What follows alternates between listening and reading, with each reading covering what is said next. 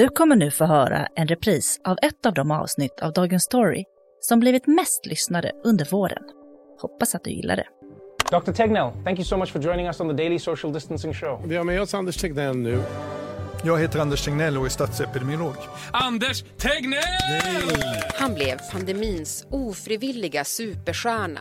Älskad. He's got so big a fan base now that one Swede even has a tattoo of Tegnell's face. Då var det klart då, Gustav. Ja. Sen kraftigt ifrågasatt. Hela strategin från den svenska folkhälsomyndigheten bygger på ett livsfarligt koncept. På en kvart får du veta om tidigare statsepidemiolog Anders Tegnell tycker att han fått revansch. Eller så är det, lyssna på Tegnell. Det är tisdag den 7 mars. Han är stabil, rock och rationell. Det här är Dagens Story från Svenska Dagbladet med mig, Alexandra Karlsson.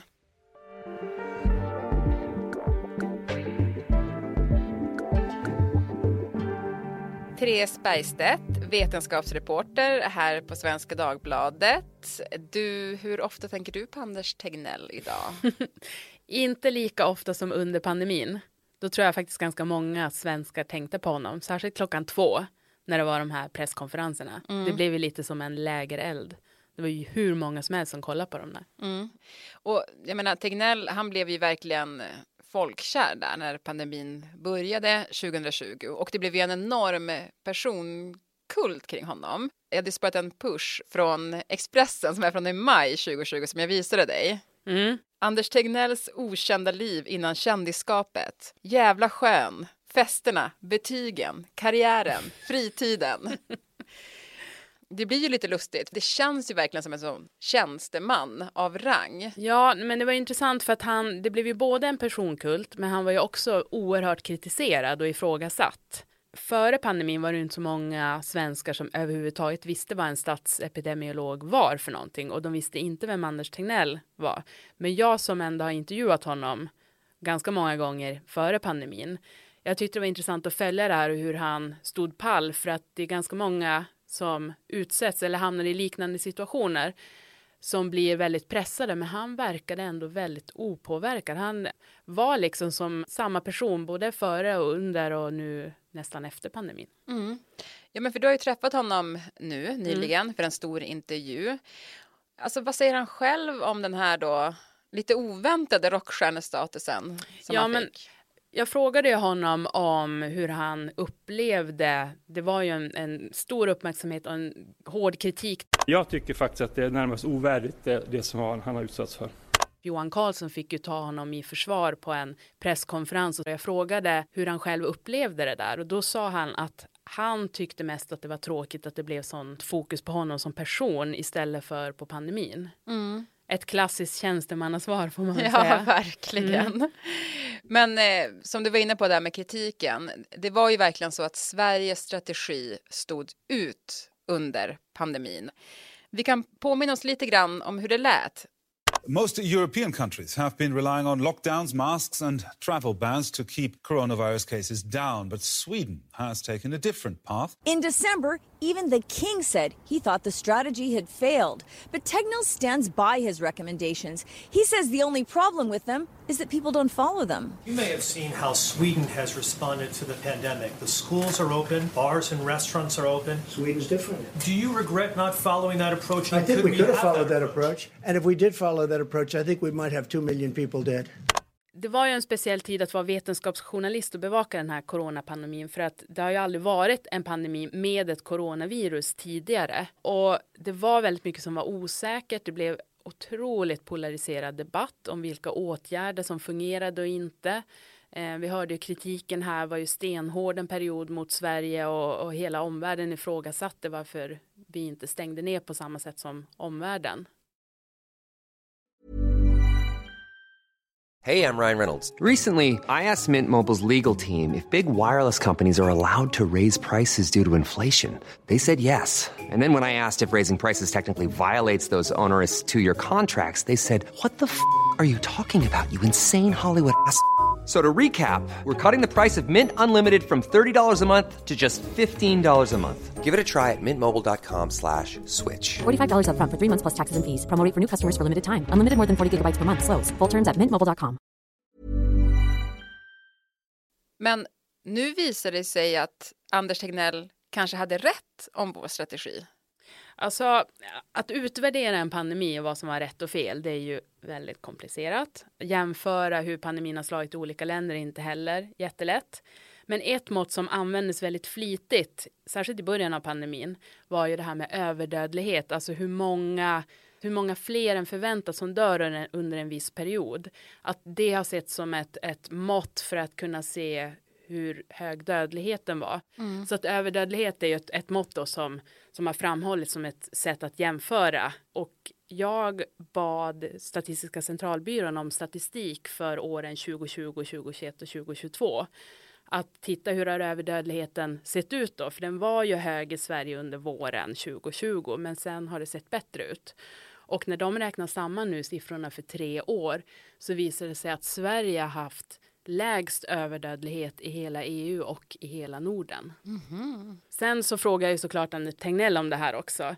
Och han säger ju att överdödlighet är ett trubbigt mått. Det säger Statistiska centralbyrån och epidemiologer också, så det ska man komma ihåg. Men givet det här måttet så har ju ändå Sverige klarat sig bra. Sen sa han också att det är jätteviktigt när man utvärderar en pandemi att man måste titta på mycket fler faktorer, alltså till exempel hur har övriga sjukvården klarat sig, till exempel cancerprevention, hur var det med postcovid, vad är långtidseffekterna av virus, eh, hur har den mentala eh, hälsan sett ut i befolkningen och så vidare. Så att de håller på att utvärdera det här, de har något samarbete med övriga Norden också. Så det kommer ju komma mer sådana utvärderingar. Och sen en annan sak som, som jag tyckte var viktigt som han verkligen betonade, det är också det här att en grupp i Sverige som drabbades väldigt hårt är personer med sämre hälsa som bor i utsatta områden. Och där måste man ta ett mycket större ansvar som samhälle för den gruppen eftersom de drabbades så pass hårt. Ja, men tycker Anders Tegnell att han fått en revansch nu? Ja, men jag frågade lite grann om hur han såg på den här kritikstormen som var mot honom under, särskilt under våren 2020. Eh, hur ser han på det i efterhand? Tycker han att han har fått revansch? Och då var han väldigt tydlig med att säga att han gillar inte ordet revansch. Han mm -hmm. säger att vi var många som jobbar med det här och jag tror att vi alla kan vara nöjda med att vi gjorde ett bra jobb. Mm. Också lite tjänstemannasvar. Ja, verkligen. Nej, men jag tror en sak är jätteviktig som blev en missuppfattning. För det blev ju väldigt stort personfokus på Anders Tegnell han var chef över en massa människor på Folkhälsomyndigheten. Han fattade ju inga beslut själv. Det var ju ett kollektivt beslut. Men i media blev det ett tag som att det framstod som att han var nästan envåldshärskare som bestämde allt om pandemin. Men så var det ju inte, utan det var ju eh, hela Folkhälsomyndigheten som, som bestämde. Och så hade de en generaldirektör och så var regeringen inblandad. Men vad hade de fel om då? Ja, men en kritik som har varit återkommande från vissa forskare, från journalister och också från Coronakommissionen som ju utvärderade regeringen och Folkhälsomyndighetens arbete. Eh, deras rapport kom förra våren.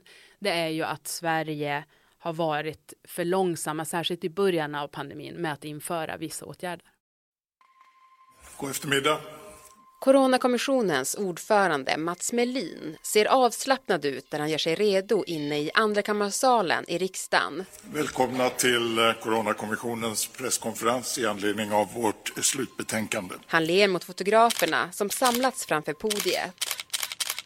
Kommissionens uppgift har varit att titta på hur både regeringen och Folkhälsomyndigheten agerat under pandemin och om de satt in rätt åtgärder i rätt tid.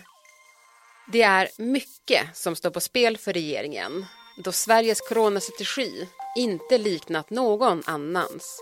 Men dagen innan Coronakommissionen ska presentera sin rapport sker det som ska komma att flytta medias och politikers fokus helt. Flyglarm ljuder nu i ukrainska städer. Krigslagar har införts och president Zelensky manar befolkningen till lugn. Låt mig bara på en gång säga att det är imponerande att så många har slutit upp och visat intresse för svensk pandemikrishantering i ett läge där Sverige och Europa står inför en på sitt sätt värre och omfattande kris. Kommissionen kommer fram till att åtgärderna som infördes var för få och för sena. De menar att både regeringen och Folkhälsomyndigheten begick flera misstag, framförallt under den första delen av pandemin. Exempelvis borde man ha utgått från en försiktighetsprincip där man rekommenderat munskydd för säkerhets skull.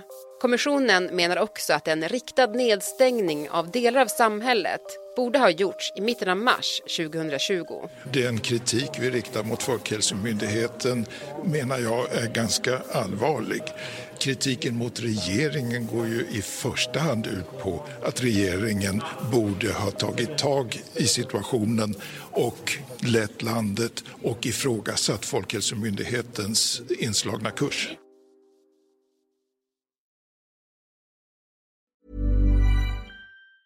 Hey, I'm Ryan Reynolds. Recently, I asked Mint Mobile's legal team if big wireless companies are allowed to raise prices due to inflation. They said yes. And then when I asked if raising prices technically violates those onerous two year contracts, they said, What the f are you talking about, you insane Hollywood ass?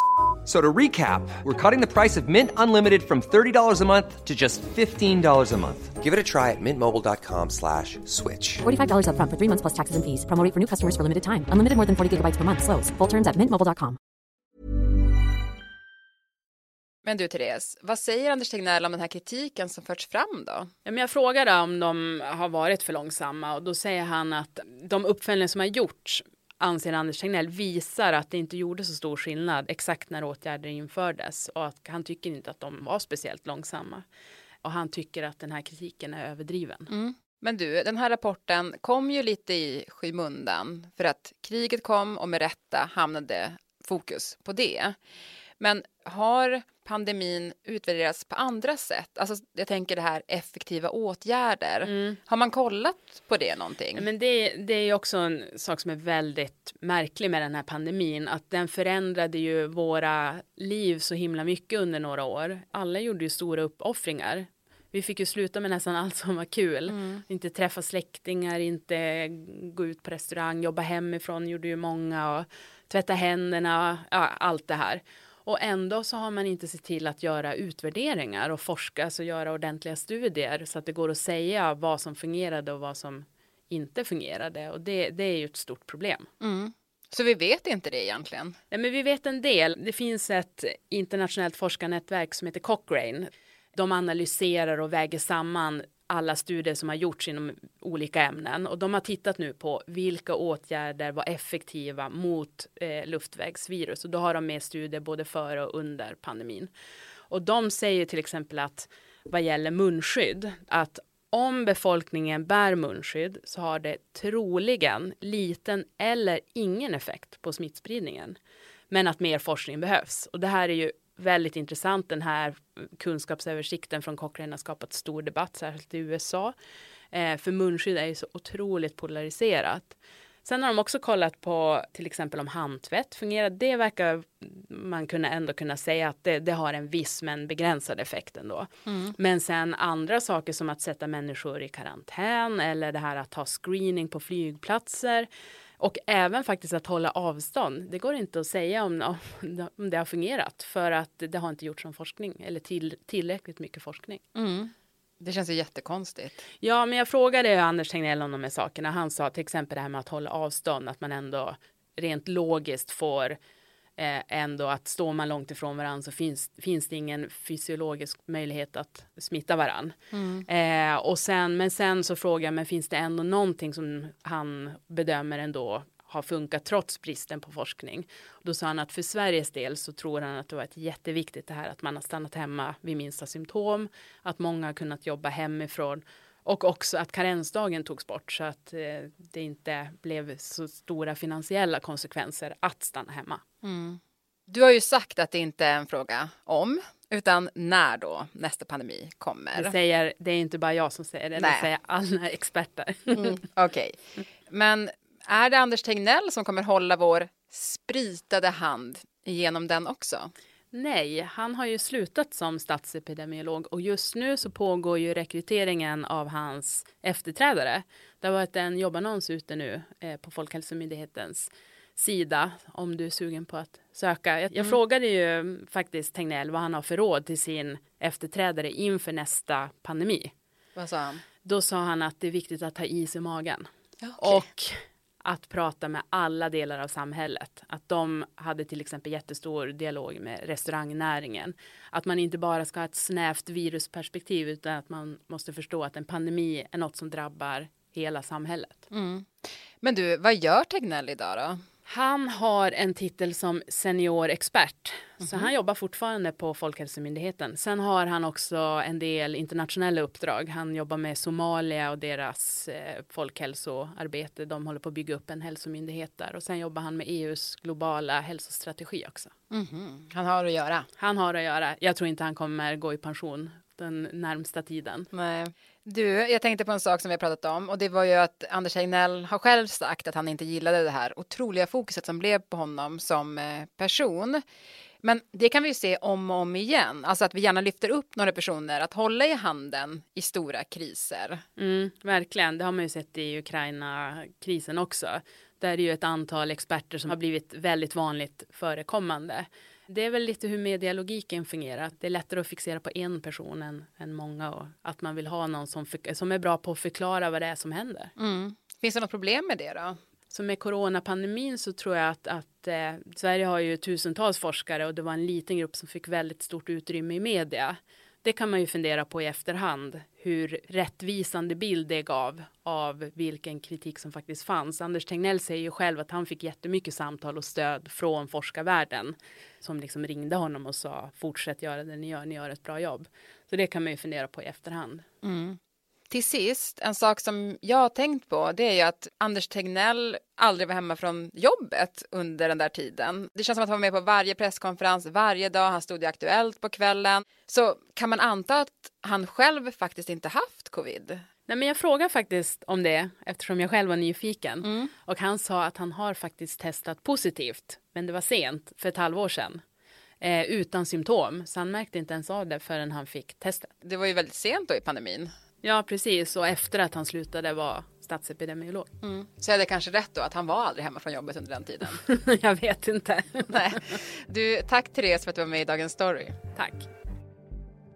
Programmet idag producerades av Stina Fischer, redaktör var Maria Jelmini och jag heter Alexandra Karlsson. Vill du kontakta oss så mejla till dagensstory.svd.se.